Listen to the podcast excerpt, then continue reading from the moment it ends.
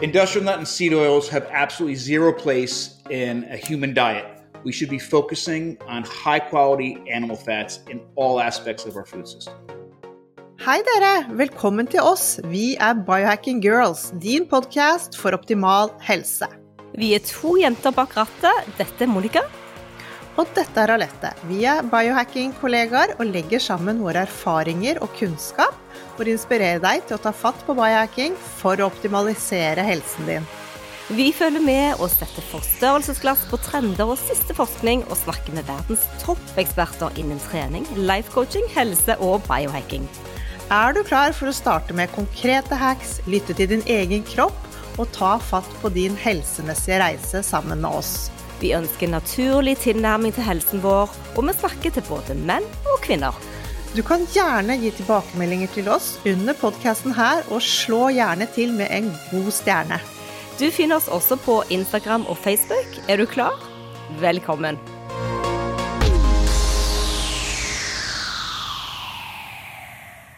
Vi er fremdeles på starten av 2024, og vi har hatt mye fokus på faste, vi har hatt fokus på vegetabilske oljer, og ikke spise ultraprosessert mat, prøve å fokusere på ren mat, og dette med blodsukker, alt henger sammen. Stressmestring, trening, indre uro, hormonsyklusen vår. Det er så mange faktorer som spiller inn når vi snakker om helse. Og noe av det dere lyttere er veldig opptatt av, er jo dette med vegetabilske oljer, som vi har drevet mye med, så klart. Og i den forbindelse så måtte Monica og jeg ta en ny prat med vår food expert, dr. Bill Schindler. For vi ville gjerne høre hans enkle måte å forklare dette på, hvordan man også kan unngå det. Så gled dere til ukens episode. Ja, og dr. Bill Schindler han har jo vært i Norge og vært eh, kanskje den gjesten på podkasten som har besøkt oss mest av det tror jeg faktisk. Så gå gjerne tilbake og hør gamle episoder. Han er eh, matforsker og bor i Maryland og driver noe som heter Modern Stone Age Kitchen. Han har reist med eh, National Geographic og forsket på matkulturer i hele verden. Og i denne episoden så snakker vi om hvorfor vi ikke skal putte oljer inn i kroppen. Og det som er Bills virkelig sånn ankepunkt her, er å se oss tilbake. Hvordan levde de naturlige kroppene våre for millioner av år siden? Hva spiste vi? Hva spiste vi da? Ja, hva spiste vi da? Da spiste vi jo det animalske fettet, det var det vi brukte før. Fordi det vi ofte glemmer, er at eh, Jeg liker så godt det uttrykket vi har løpt fra biologien vår, for kroppen henger ikke helt med, selv om vi tror det. Men disse moderne, hyperprosesserte vegetabilske oljene, de er vel ikke mer enn 100 år gamle? Det er da vi startet å bruke disse oljene i det moderne kjøkken. For de var billige og smakløse og enkle å bruke i denne prosesserte. Helt riktig, og fra et industrielt og revolusjonært perspektiv så har jo de oljene ingenting å gjøre på vårt kjøkken. Så i dag snakker vi med Bill om hvilke oljer vi bør bruke på kjøkkenet. Hva bruker du, Alette? Du, jeg må bare fortelle en uh, kjempekul historie. For nyttårsaften er jo da turkey, som jeg er hos en venninne og får. Og hun hadde da tatt av alt dette mm, turkey-fettet og satt det på kjøkkenbenken. Og så sier jeg hva er dette for noe? Nei, det er fettet fra turkeyen. Og så fikk jeg med meg dette hjem, og siden nyttår så har jeg kun brukt kalkunfett til å steke all mat i, og det smaker kjempegodt, og det holder seg i, jeg vil si månedsvis i kjøleskapet. Har du også noen sånne triks, Monica? Ja, altså jeg har jo kjøpt dette Marrow-talg og marg eh, fra Superstate. Uh, jeg syns det smaker litt mye, så jeg må blande det ut med enten smør eller extra virgin olivenolje. Men jeg pleier å spare på baconfettet og sette i en krukke, og det skal dere få høre mer om. For det, vi har jo vært litt nysgjerrig på hvor lenge man kan uh, konservere og oppbevare dette fettet som kommer fra stekt mat. Hvordan vi skal bruke det og tilberede det. Så det lærer vi jo masse om i denne episoden. Det gjør vi. Og Bill Schindler snakker også om selvfølgelig sin egen restaurant, eh, og hva de bruker. Kun animalske fettkilder der i gården. Og det er veldig, veldig opplysende. Og han snakker så enkelt. Det er så lett å forstå når han forklarer hvorfor vi ikke skal spise disse vegetabilske oljene. Ja, de eneste fruktoljene han bruker, da, det er jo olivenolje og avokadoolje, fordi de trenger lite prosessering. Og det er veldig viktig. Men vi bruker også kokos i tillegg, som òg er en nøtteolje, som kan bli litt forvirret. Hva er sid, og hva er frukt? ikke sant? Men eh, grunnen for at vi kan bruke kokosolje, for den òg trenger lite prosessering. Fettet kommer veldig lett ut av nøtten. Og alt dette vil Bill forklare veldig godt. Men han har òg noen gode tips i løpet av episoden, hvordan han liksom lager french fries, f.eks. Ja, han kommer med noen kule oppskrifter. Det litt overveldende, ganske time consuming, men vi, som han alltid sier, vi trenger å lære oss å lage mat fra grunnen av. Og tilbake til de uh, olivenoljene, så er det viktig å presisere at vi bruker extra virgin olivenolje når den brukes, fordi den blir optimal fra de første pressingen. Det er de senere oljene som blir da utblandet og mikset, og vi ikke vet hvordan uh, liksom, de blir til slutt, da. Så, og det samme gjelder avokadoolje. Den kommer også i mange forskjellige blends, men vi må passe på å kjøpe det som er riktig. Og den eneste jeg stoler på akkurat nå, er fra Primal Kitchen. Den får vi ikke i Norge, så du må bestille fra USA eller ta med deg når du er på ferie. Men det er altså forskjell på fruktoljer og vegetabilske oljer, og dette skal dere få høre så mye mer i episoden. Da får dere kose dere, og vi ønsker velkommen til Biohacking Girls, din podkast for optimal helse. Hi, Bill. So great to see you again. How it are you? So great to see you both again as well. And you are our favorite person when it comes to everything food related. And uh, lately we have been stirring up some steam here in Norway with uh, with the seed oil debate. Mm -hmm. We have mm-hmm. had Tucker Goodrich uh, talk on our podcast, and then we finally found a Norwegian doctor willing to talk about this subject. Yes, and now we're turning to you.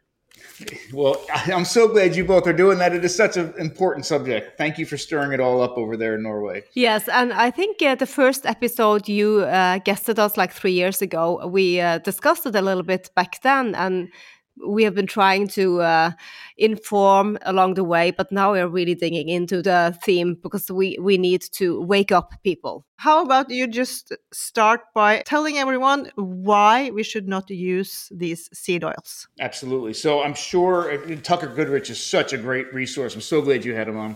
There's a lot of reasons why we should never be putting industrial nut and seed oils in, into our bodies. Um, and we can talk from a biological perspective or health perspective, from a safety perspective. But I think the, the place I would like to start is when somebody asks me a question or I have my own question about human diet and health and, and, and I try to answer it. My first response is to look to the past, right? Is, is, is the foundation of the diet that built us as humans. So, from that perspective, I'd, I'd like to start this conversation from there. So if we look at the diet that built us as humans, this this dietary past, a changing dietary past that's about at least three and a half million years old. The very first fats that we included into our diets occurred at a you know ma- major amounts of fats in our diets occurred at about 3.3 3.4 million years ago and the evidence eh, exists just west of Lake Turkana in Kenya at a site called the Lomekwi site where we not only see the first um, intentionally created stone tools that help our ancestors butcher uh, animals that they scavenged off the savannah, but we also have found bones that we can um, tell that were intentionally, long bones intentionally busted open so that they could extract the bone marrow on the inside. And this is really, really important and really, really relevant because you know, here we have the first intentional extraction of any kind of fat from our environment, and it just happens to be one of the most nutrient dense, bioavailable, and by the way, delicious fats on the planet, and that is in the form of bone marrow. See, you know, so bone marrow appears in our diets at about again almost three and a half million years ago, continues until at about two million years ago when our ancestors started hunting we have the intentional uh, then consumption of not only the bone marrow, but all the most nutrient dense parts of the animal, which is not only the blood, the fat, and the organs, but obviously the fat as well. And it's important to our ancestors of 2 million years ago because prior to that, they were just scavenging, and all of that other fat was missing because the animal that killed the predator that killed the animal ate that fat first. They knew how incredibly nutrient dense and bioavailable it, it, was. So these animal fats, in the form of first marrow, then all the other fats that are in animals' bodies, and then later on when we start um, dairying animals, uh, you know, in the form of, of dairy, and then butter and ghee, all of these animal-based derived fats have been in our diets literally forever.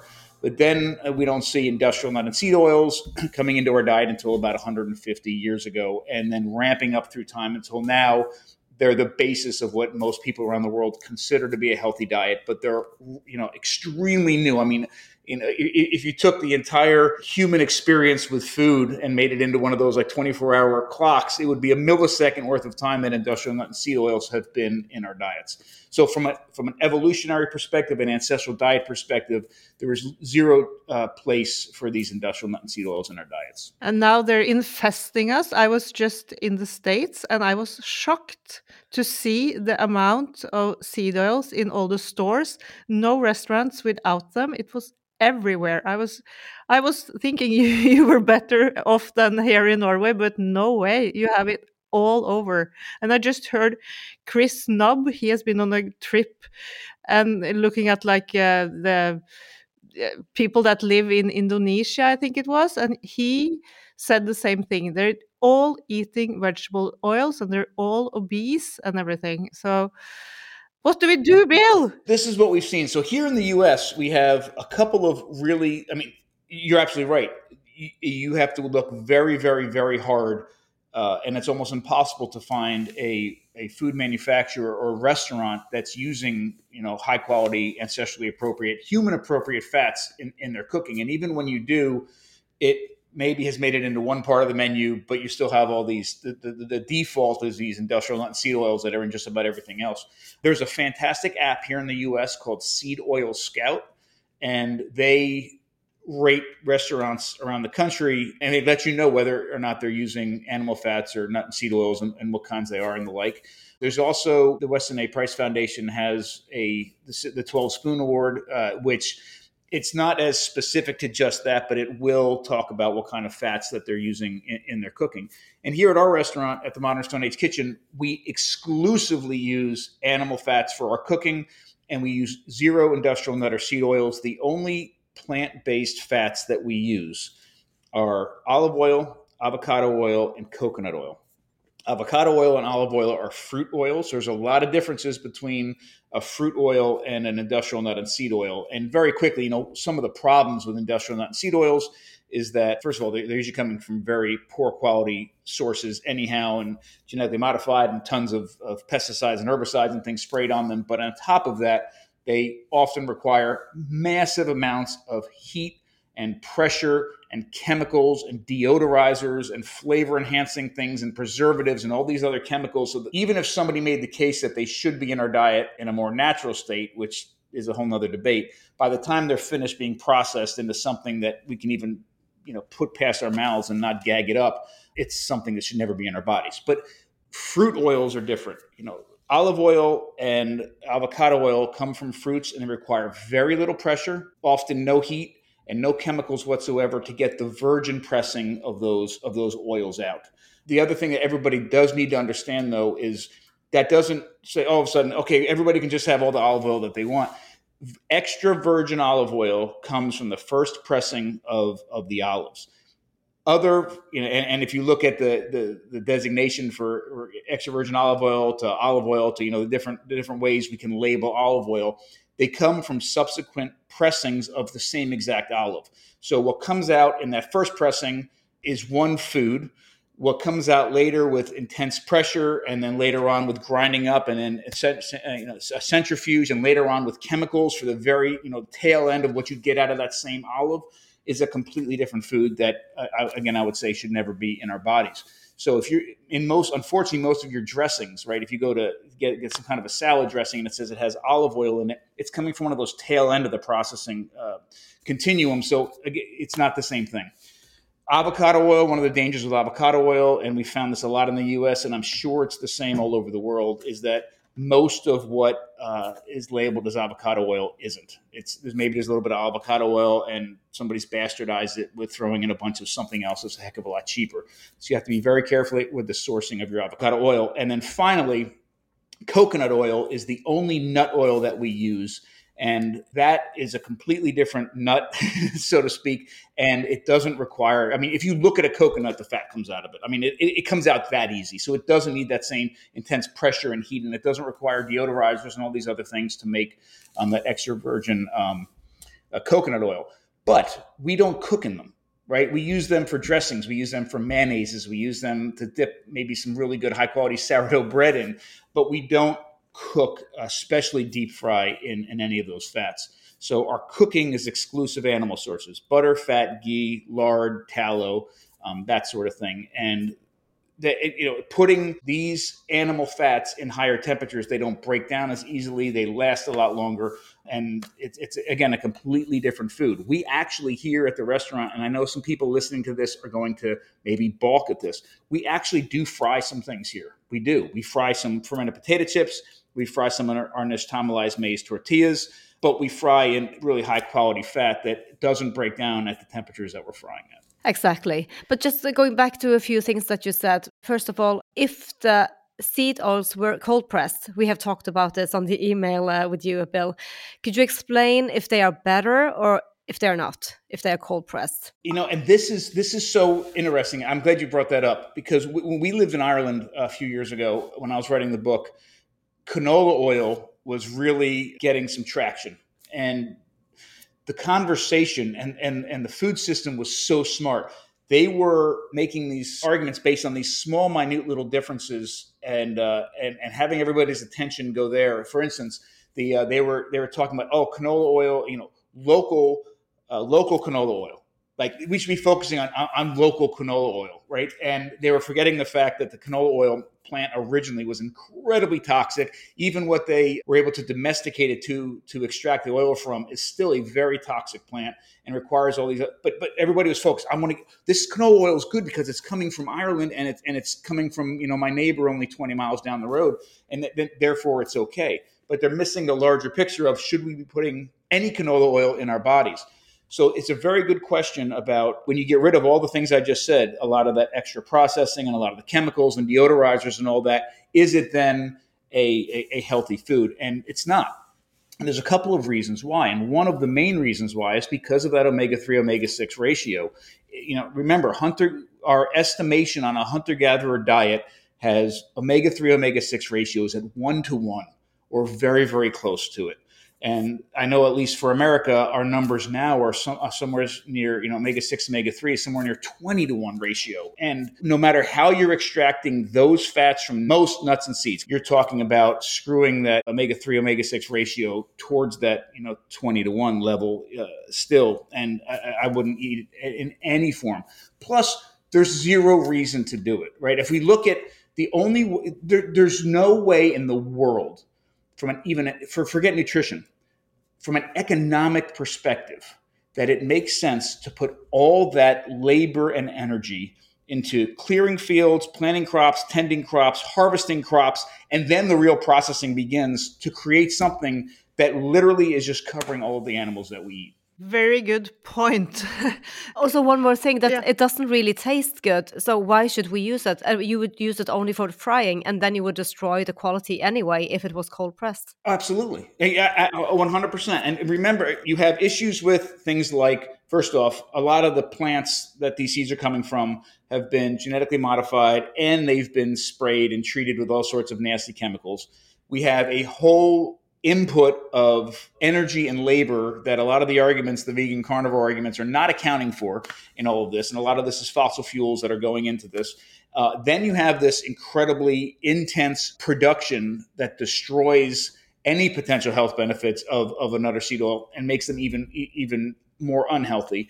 And then you're left with something that, again, right, it doesn't taste good, it doesn't store well unless we do all these other things to it. And then most of us heat them up right? We, we fry our turkeys in them or we fry something in them, we put them in a pan and heat them up. And even if you could have made an argument that but prior to heating it, it was safe and nourishing for us, which is not the case. But even if you were there, as soon as you heat that up, you create all sorts of free radicals, completely destroy it, and it, it has a one time use and, and then you're throwing it away. I don't understand why this is such a difficult topic for people to comprehend, except that most of us grew up in the 70s and the 80s where there was this huge push for nut and seed oils and you know the, the industrial nut and, uh, industrial food system was pushing this hard and we were supposed to get rid of butter. We were supposed to replace it with margarine. You know we had all these oils that were super cheap. They were on the shelf and all this but we grew up with it and it's so hard for us to disassociate the way we grew up with you know something that's been around for millions of years. Yeah, it's our mindset. But also the the thing about olive oil because there was a test here in Norway. They tested like five extra virgin olive oils, but it resulted that there was only one of these five bottles that actually had the right ingredients to claim that they were actually extra virgin. So, what would the consumer look for to find if you would like to use olive oil? Because that's a hard market. Yeah. So, first off, I think such a great question. And you know, when, when I was studying at the Italian Culinary Institute, um, one of the uh, formative lessons that we had one day was an actual olive oil tasting, and I, I went into it thinking, yeah, you know, some of these like wine tastings are a little hokey, and everybody gets a little. It's this, it's this flavor here, and a hint of this here, and a nose of. The, but anyhow, we put all all this olive oil was put in front of us in Italy, and from incredibly high quality, you know, amazing extra virgin olive oil all the way down the line, and stuff that came from the grocery store as well. And when it's all lined up that way, and you, you're tasting, you're looking at it, you're smelling it, you're tasting your way through this entire continuum it's mind blowing. If all you've ever had is some of this sort of you know big box store, grocery store olive oil that claims to be whatever, first of all, you don't you don't know what you're missing. So one of the first things I would suggest is um, get some of the most high quality olive oil, even if it's a small bit of it, and try it. You know, you you need that baseline to understand what it is you're having on a, on a regular basis. The second thing I would suggest is ask yourself why are you so concerned about consuming olive oil? I mean, I know that it's made the news. I know that it's it, it's been a part of our sort of dietary mantra for 30 years, and especially when the Mediterranean diet started, you know, to, to gain some. But why do you really want olive oil? If you're if you really want olive oil because you're trying trying to consume really healthy fats, then maybe it, eh, delicious, really healthy fats. Then maybe you should start thinking more about going to butter or going to some of these other animal based fats. If it's from an economic perspective then you need to really reframe the entire argument. It's okay, can you buy olive oil from the grocery store? Yes. Can you buy olive oil from the grocery store? That's sort of um, not that expensive. Yes, but what you're buying is not the stuff that you should be consuming, right? So if, if you're really comparing a high quality tallow or lard or even really good, amazing butter, and I know there's amazing butter in Norway, I've had it. If you're looking at that price point, don't compare it to the junky olive oil in the grocery store and say which one should I get. Compare it to the best high quality olive oil that you can access because that's the only real extra virgin olive oil, and then make the economic comparison. And I guarantee you're going to end up, if it's about economics, you're going to end up back with the animal fats as well. Because, like you said, most of the olive oil there is not what people are expecting they're getting. I love your perspective, Bill, and you explain it so very well because I have um, the same reflections why are people so attached to these oils? So let's now just talk about the animal fats and why these are so good for us, for the climate, for everything, and why we need them the saturated fats. Absolutely. And one other thing I forgot to mention, it'll, it'll be a nice segue into this. The other thing to remember is if you're, if you're, so first of all, there are a lot of anthropologists, including me, um, and people like Miki Ben-Dor, who believe that high quality saturated animal fats that the introduction of those into our diets is literally what supported massive body and brain growth especially our brains. And you could make the argument if that's true or even if it's partially true that is one of the most you know high quality animal fats were one of the most important and formative uh, components of our diet that literally built us as humans and it should be something we should focus on now because we're still in these ancient bodies. We are we are we are living we are modern people living in 300000 year old bodies that were built on the backs of these fat laden diets. Not canola oil fat laden diets animal fat based diets.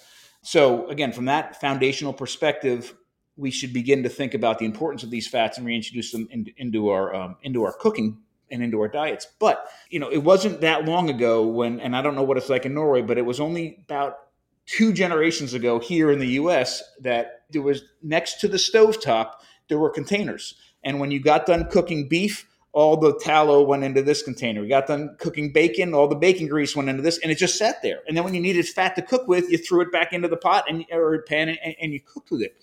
But we, we're 20, 30 years separated from this and most people are, are throwing those things away. They're finding ways of getting rid of the grease, getting rid of the fat. That's that's the fat I'm talking about. If, if you went ahead and bought the most high quality nitrate free bacon from pigs that were acorn, whatever it is, and you have fat, that fat is gold. Keep that fat. When you're when you're ready to cook, put that fat back in. It's got not only a ton of flavor, but a ton of nutrition, and it's free. You've already purchased it. You get to use it again. If you're making bone broth or, or stocks and soups, and once you've chilled it and that fat comes to the top, well, we we we heat it back up and put it back in. But if you don't want it in your soup, pull it off and put it on one of those containers. It doesn't even need to be refrigerated, so it's there and it's and it's free and it's already in most cases it's already slightly seasoned. But from a nutritional perspective, remember, and, and I, again, I'm looking at this from an evolutionary viewpoint.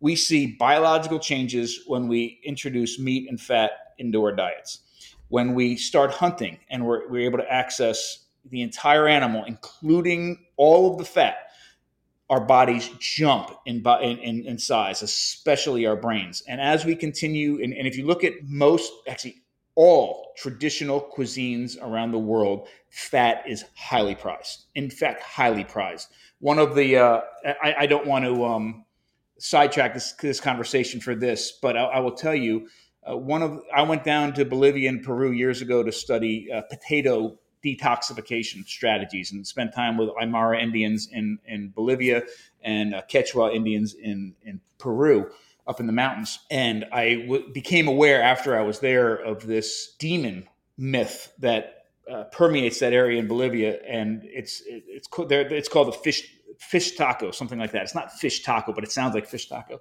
And anyhow, this entire uh, demon myth uh, thought process revolves around the importance of fat in the diet, and it's so fascinating. I, animal fat. I went down to Bolivia to study pr- uh, potato detoxification, and one of the highlight parts that uh, uh that came from that was this uh, imp- the importance of animal fat in the diet, even in a place like Peru and Bolivia. is fascinating. Um, uh, high, but the other thing to remember from a nutritional perspective with fat, what you ate is incredibly important. So animal fat coming from a healthy animal that is that was raised on the uh, species appropriate diet is also a completely different food. So if you you know if you're going from the, the leap from canola and corn oil and soy oil and all these other things to any kind of animal fat is a very important step. And I and one of the first things I tell anybody asking me how to make a change in their own house is the first thing is just get rid of all the nut and seed oils. Like literally throw them away or put them in the garage where they belong because they're good for machinery, not for human bodies. And if the only step you can take is to get whatever butters at the grocery store or whatever, then that's an important step away from the nut and seed oils. But once you feel comfortable there and have the ability to embrace the next step, the next step is to then make sure that the processing of those fats and more, just as importantly, the diets and health of the animals those fats are coming from are incredibly important. A 100% you know fat coming fat or milk coming from a 100% grass-fed well taken care of cow is a different food than coming from a more industrial, you know, counterpart that's been grain fed and, and what have you. We're going to dig into that. Uh, just going to ask about the fat that you store because I actually do that from the bacon I use and I put it into a little jar and I keep it uh, in my um, kitchen. But how long does that last? How how long can I reuse the the bacon fat? Months, months. Okay, good to know. And here's a little trick too, especially with the bacon fat. Uh, so if especially if you have like amazing high quality bacon uh, and you have the grease off of it that you really really really want to keep and use in a variety of different ways sometimes we drain the bacon grease and bits of bacon get in there and a little bits of this and some sediment and you can refine it in, in, a, in a really cool way. So it, you have that fat and dump a, you know, put it in a pot of boil you know a whole bunch not a whole bunch but put it in some boiling water. Heat up some water and put the fat in there get it boiling so it completely melts then pour it back into a container and stick it in the fridge. And the fat, right, will rise to the surface. And a lot of the impurities, little bits of bacon and those sorts of things are going to fall down to the bottom. And what you can skim off the top, and, and, and depending on the fat, you can pull off the top because it's you know it's cold out of the fridge is really nice doesn't have a really strong flavor doesn't have the bits and you can put it in a whole bunch of other things and i'm pretty confident i haven't tested this but i'm pretty confident it'll store longer as well especially sitting there on the counter Amazing. Great hack. I'm gonna do that. Heck. Like it. But uh, we have um, we're so lucky now that we can get this marrow fat now in Norway. are you serious you're Yes, very it's like- lucky This big jar, all right that's awesome and it's grass fat, of course. It's a we buy that on a yeah. It it smells uh, very Very good. very good, very animal fat, and it's easier for us now. But even though if you go to the butcher, they usually throw away those parts, so you, you get them almost for free. free, or you pay nothing. So we cannot complain about the money here either. It's cheaper to use the animal fat. Sure. And one of my top three flavors, foods in the world is warm bone marrow. Like warm bone marrow spread on something, especially a really good sourdough toast or something. Warm bone marrow is one of my favorite things on the planet, truly. Cold bone marrow is a little different. Um, but regardless, uh, if for some people that are stepping in, you know, taking these baby steps away from these really um, uh, more bland flavors in these industrial nut and seed oils to things that you know the other thing that comes with the more well-fed animals is a little bit more of an animal flavor right? Which some people especially like a beefy flavor some people enjoy and some people are still getting there. This is especially true with some bone marrows. If the bone marrow flavor is a little bit of a um, of, of, of a stretch at the moment for somebody what we tip what we do here with a lot of things is we just mix it with butter. You know we, we blend it together with butter and it helps neutralize some of those stronger flavors and people really really enjoy it. So we one of the things that i love is i take bone marrow and some of our, our, our fermented uh, butter mix it together almost 50 50 make sure it's salted well. If we want to we can add some rosemary or something to it. And then i cut them into coins and i stick them on top of steaks. Uh, you know after you take the steak off the grill and it just melts on. And it looks real pretty but it tastes really really good. So blending the, there's nothing wrong with blending some of these these fats together. And this may not come up so much in norway because it's cold and your wild animals have quite a bit of fat but one of the things that I wanted to mention too that I, have heard as an argument against this, you know, why, why against this eating of, of, animal fat and if it's appropriate or not, is the idea that you know some animals, especially wild animals, have a much lower fat content than many of our domesticated animals. So, and in fact, some cows have been bred to be fattier, right? Uh, but but here's the thing we need to understand. You, true, if you look at the Earth and look at uh, latitude, and the further you get away from the equator, typically the more visceral fat that you see on animals because they're trying to stay warm, especially during the, the colder months. When you get close to the equator, a lot of a lot of the animals they still can be huge, but are a little bit leaner. Uh, wild animals, however, that's just the perspective of if I get a steak, how much fat's going to be around the outside of it. There's a lot of different sources of fat on animals. One of the sources is is that the, the fat that's there, you know, in and around the meat. It's also a, there's a lot of fat in the you know protecting the organs. So the, the kidney fat, the fats that's around there. So there's a lot of fat there as well. There's fat in the marrow, and animals will um, starve to death before they deplete their marrow resources.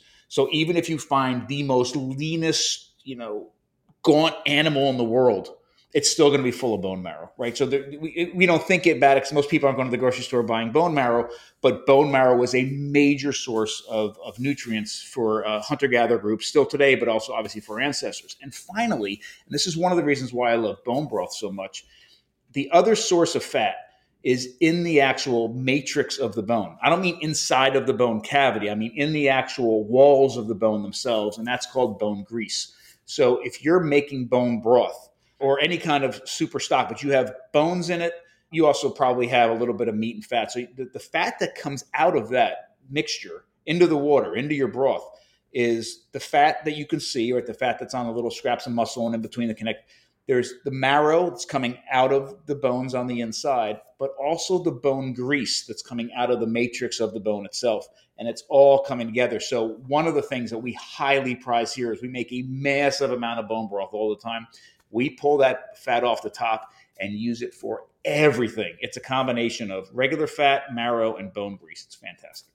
And you didn't do any work. Like you literally just threw the bones in the pot. You're making soup anyhow. Do not throw that stuff off that comes to the surface. So give us some example. What do you use it for? All sorts of cooking. Anything we would throw something into a pan for, Yeah, we, okay. we put that in. Um, we also, uh, depending on what animal it comes from, uh, we use it in different things. So when we do it with pork bones, anytime we're making like refried beans, for example, we we throw that back in uh, back in with the beans. I mean, it's it's a, it's like one of those pots that would sit on the side of your stove.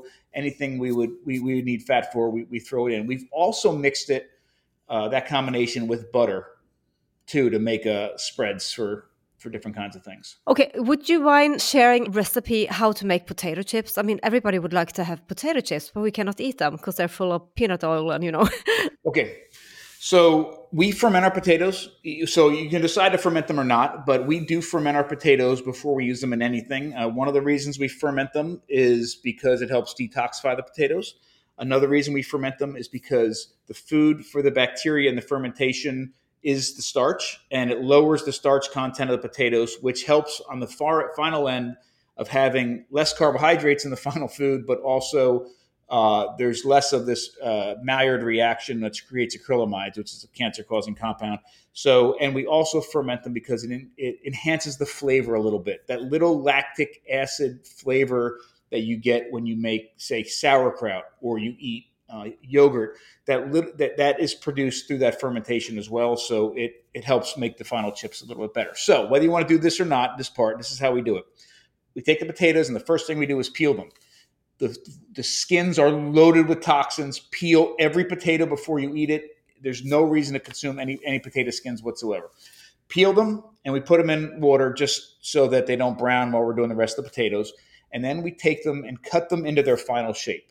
So if we're making French fries, we cut them into French fry shape. If we're making potato chips, we cut them into, into slices. Uh, and then we put them in a container with water and we take the weight of everything inside of that container. So all the potatoes and the water combined, we take that number, that amount, right, and multiply it by um, 2.5%. So 2.5% times the mass, right, the weight of, of, of the water and the, and the potatoes combined, that's how much salt we add. So we add that much salt and stir it around. That's the, and then we we put it on the well we, we actually put it in 65 degree Fahrenheit uh, cooler, but you can just put it on the counter for several days. Uh, four or five days is enough. And you'll see over those four or five days a few things happening. One is it'll start to become alive, just like you're making sauerkraut. It's going to start to smell awful and it's going to look nasty. And and this is just an example of all the toxins that are coming out of the potato. I mean, it is nasty.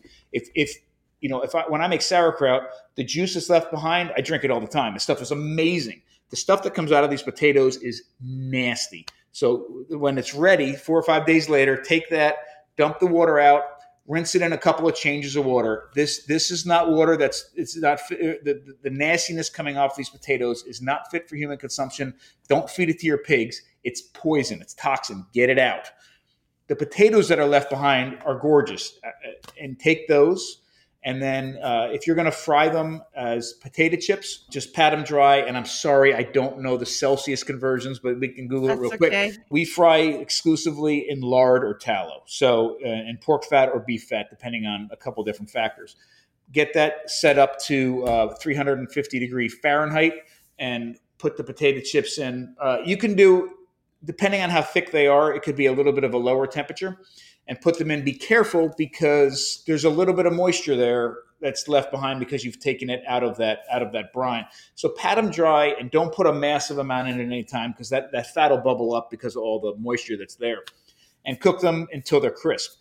The great thing about the fermentation of the potatoes is that it, I told you earlier, it gets rid of a lot of the starches. And the starches uh, hitting the hot fat turn brown and create that Maillard reaction, which creates the acrylamides the difference with the potato chips that come out of of this uh, cooking and this process is that they're going to be crisp, they're going to taste amazing, but they're not going to be as brown as a potato chip you're used to. Uh, so don't wait till they turn brown, pull some out, and, and, and, try them. When they're done, while they're still warm, we salt them, and then uh, we're good to go.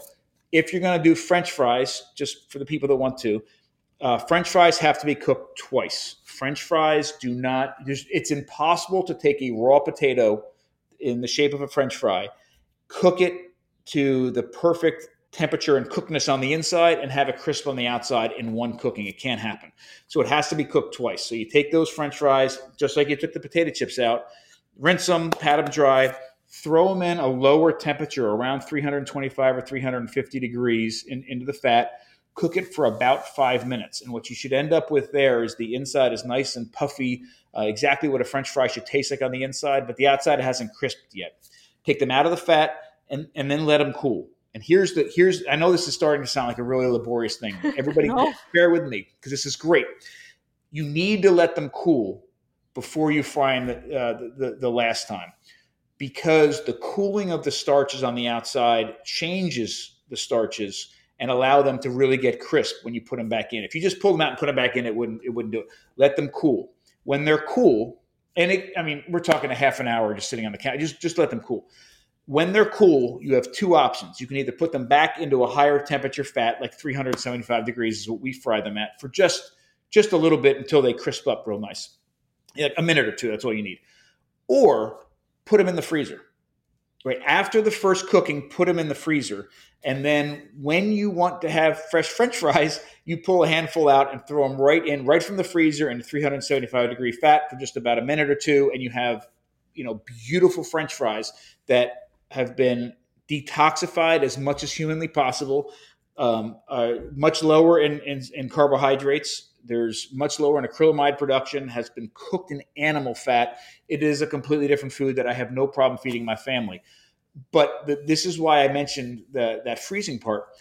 If you're going to do it, do it. Do a big batch of this at one time. You know, peel a whole bunch of potatoes, ferment a whole bunch of potatoes, cook that first round of a whole bunch of potatoes. You know, spend a Saturday afternoon doing it, and then take most of them and put them in the freezer. So for the next several months, you can just grab a handful and throw them right into the into the fat, and you have the same quality food, without all of that labor, you know, every week to do it. How fun and amazing! And I know what I'm going to gift my friends when they have a birthday. I'm going to invite them over for a Bill Schindler course and teach them how to how to do how to do salt, uh, salt and uh, spice up the potatoes afterwards, or yeah. Yeah. Yeah. So after they come out of the final cooking, while they're still warm, is when you want to hit them with a little bit of salt or whatever kind of spice you want on there. One final thing I wanted to mention, since you got me talking about animal fat, this is so it's so amazing. If you're going to fry at home, you can either fry in a big, you know, cast iron skillet or a big stock pot or something with a thermometer, and that's great. Or there's a lot of uh, tabletop fryers. Now, remember, I'm not even suggesting that frying in peanut oil or canola or anything like that is healthy whatsoever. But frying in animal fat is a completely different thing. And there is an enhanced texture and flavor and eating experience with some of these foods. And if we can fry them in high quality fat, I it, it, like I said, it, it's something that we do here at our restaurant. It's something we do uh, with my family, and, and it's great. But I'm talking animal fats here. If you buy a tabletop fryer, this is this is the other hack almost all fryers, you know, you go to Amazon or somewhere to buy them, these tabletop fryers, you know, they're $80 or whatever it is. Uh, almost all of them are going to say they're only suited for vegetable oils. I've only found one model on Amazon, there may be more now, but I've only found one model that actually says they're suited for animal fats. And I'm going to tell you why that is and how you can use any one of them. The heating element inside of the fryer, if it has any air touching it, any air gaps, uh, it'll burn out really, really fast and it'll, it, will it will ruin the whole ruin the whole fryer. When you take and fill a fryer with vegetable oil, it's a liquid. So you pour it in, and there's no air gaps, there's no spaces around this. But if you take, say, lard, for example, or tallow at room temperature, you're scooping this and throwing it in uh, as scoops, and there's a bunch of air pockets in there. So with those fryers, if you did that, they would burn out. Uh, except for this one. And what's different about that one fryer is it has a second heating element that first of all, that thing, all that does is melt the fat and gets rid of all those pockets of air. And then the other heating element kicks in and, and does the frying. All you have to do, the hack around this, is get any fryer you want. Just make sure that you've heated the fat first and you're pouring it in as a liquid. Right. So you heat up the lard, heat up the tallow as liquid, pour it in, and you're good. And the other great thing about it is you can store the fat in the fryer, right? It, will last at room temperature for a very long time, especially if you, most people at home are frying like once a month, right?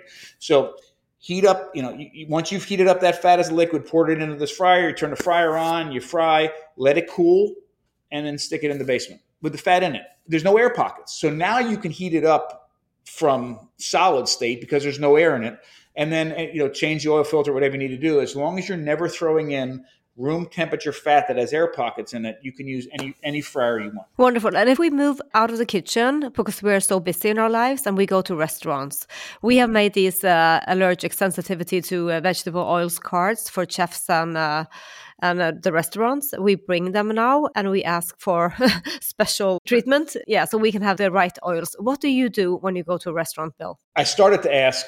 So first of all, seed oil scout is fantastic, and the Weston Price Foundation, the, the, the twelve spoons uh, uh, recommendations, those are very helpful.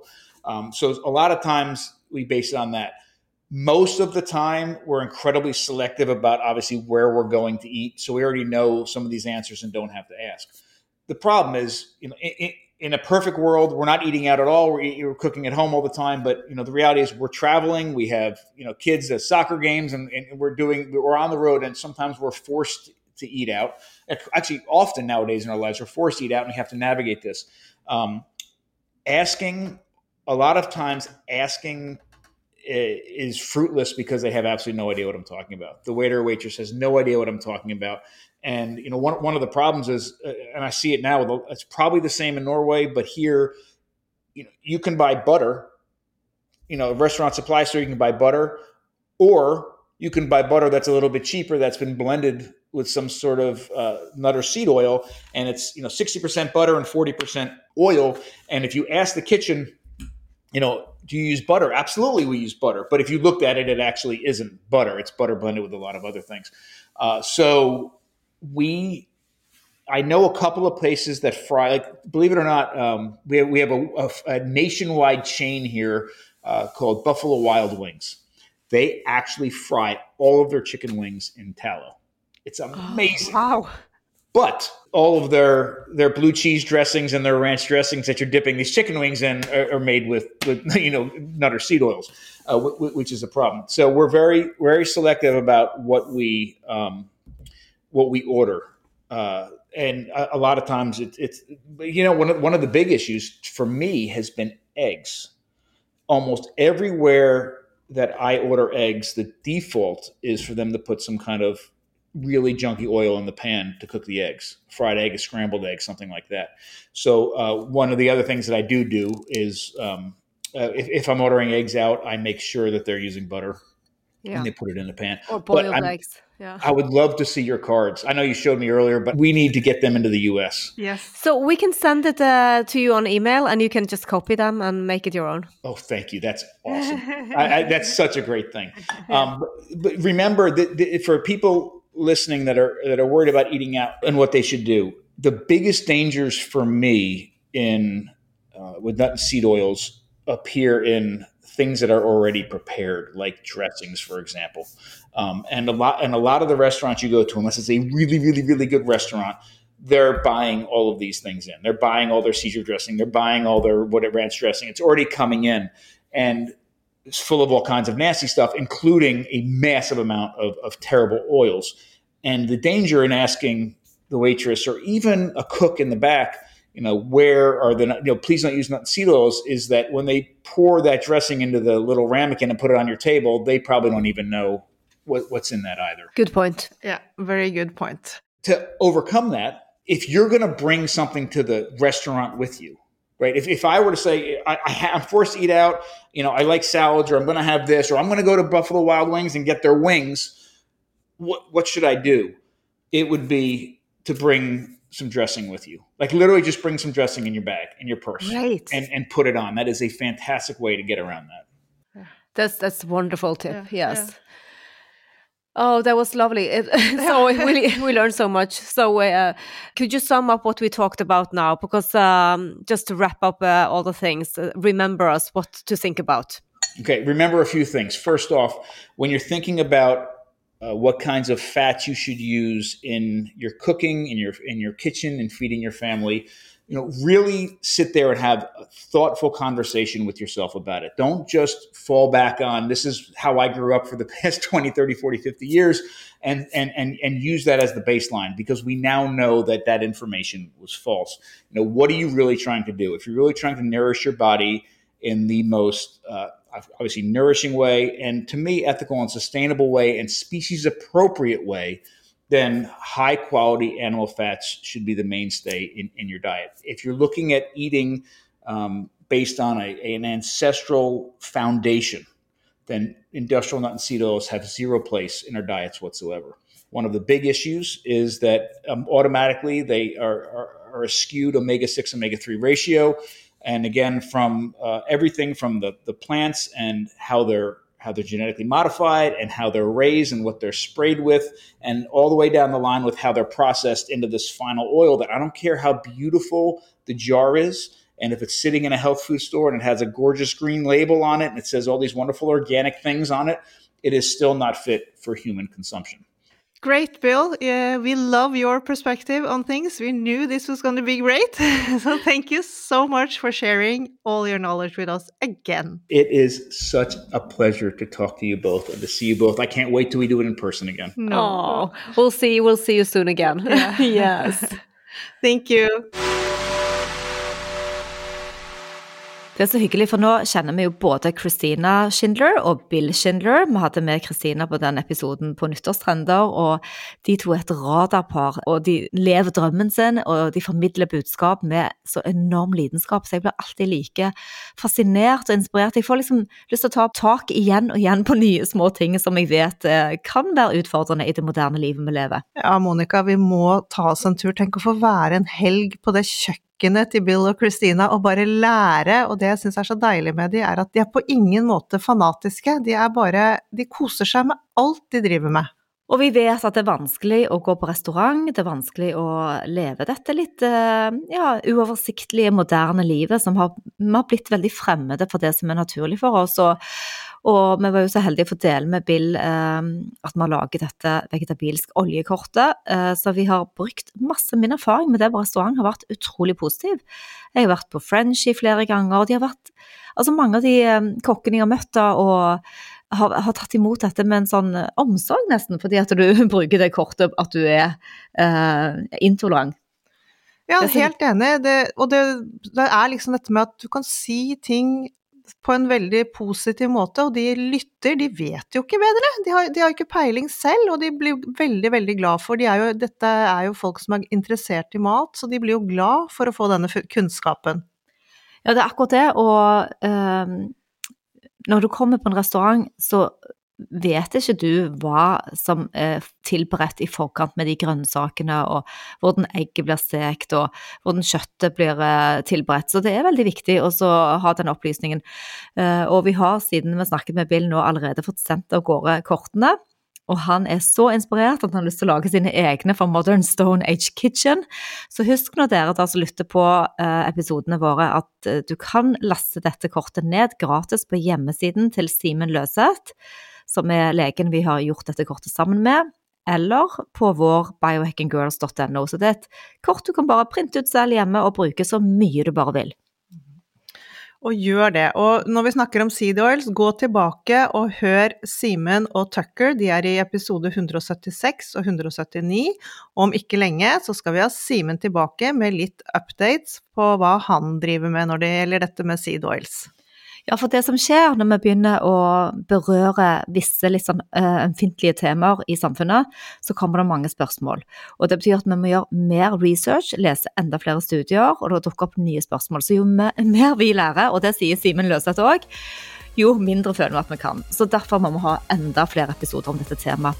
Og ikke bare det, men Simen Løseth er jo òg en av våre forelesere på Biohacking Weekend 20. april med helt oppdaterte research på den helgen der òg.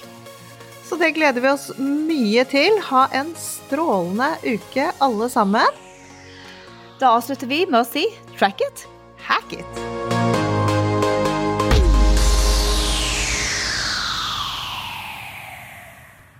Vi minner om at dere må snakke med egen lege eller kostholdsveileder om dietter og andre spørsmål relatert til medisiner og supplementer. Informasjon vi deler kan ikke bli brukt til å diagnostisere, behandle, forebygge eller kurere noen sykdommer eller tilstander.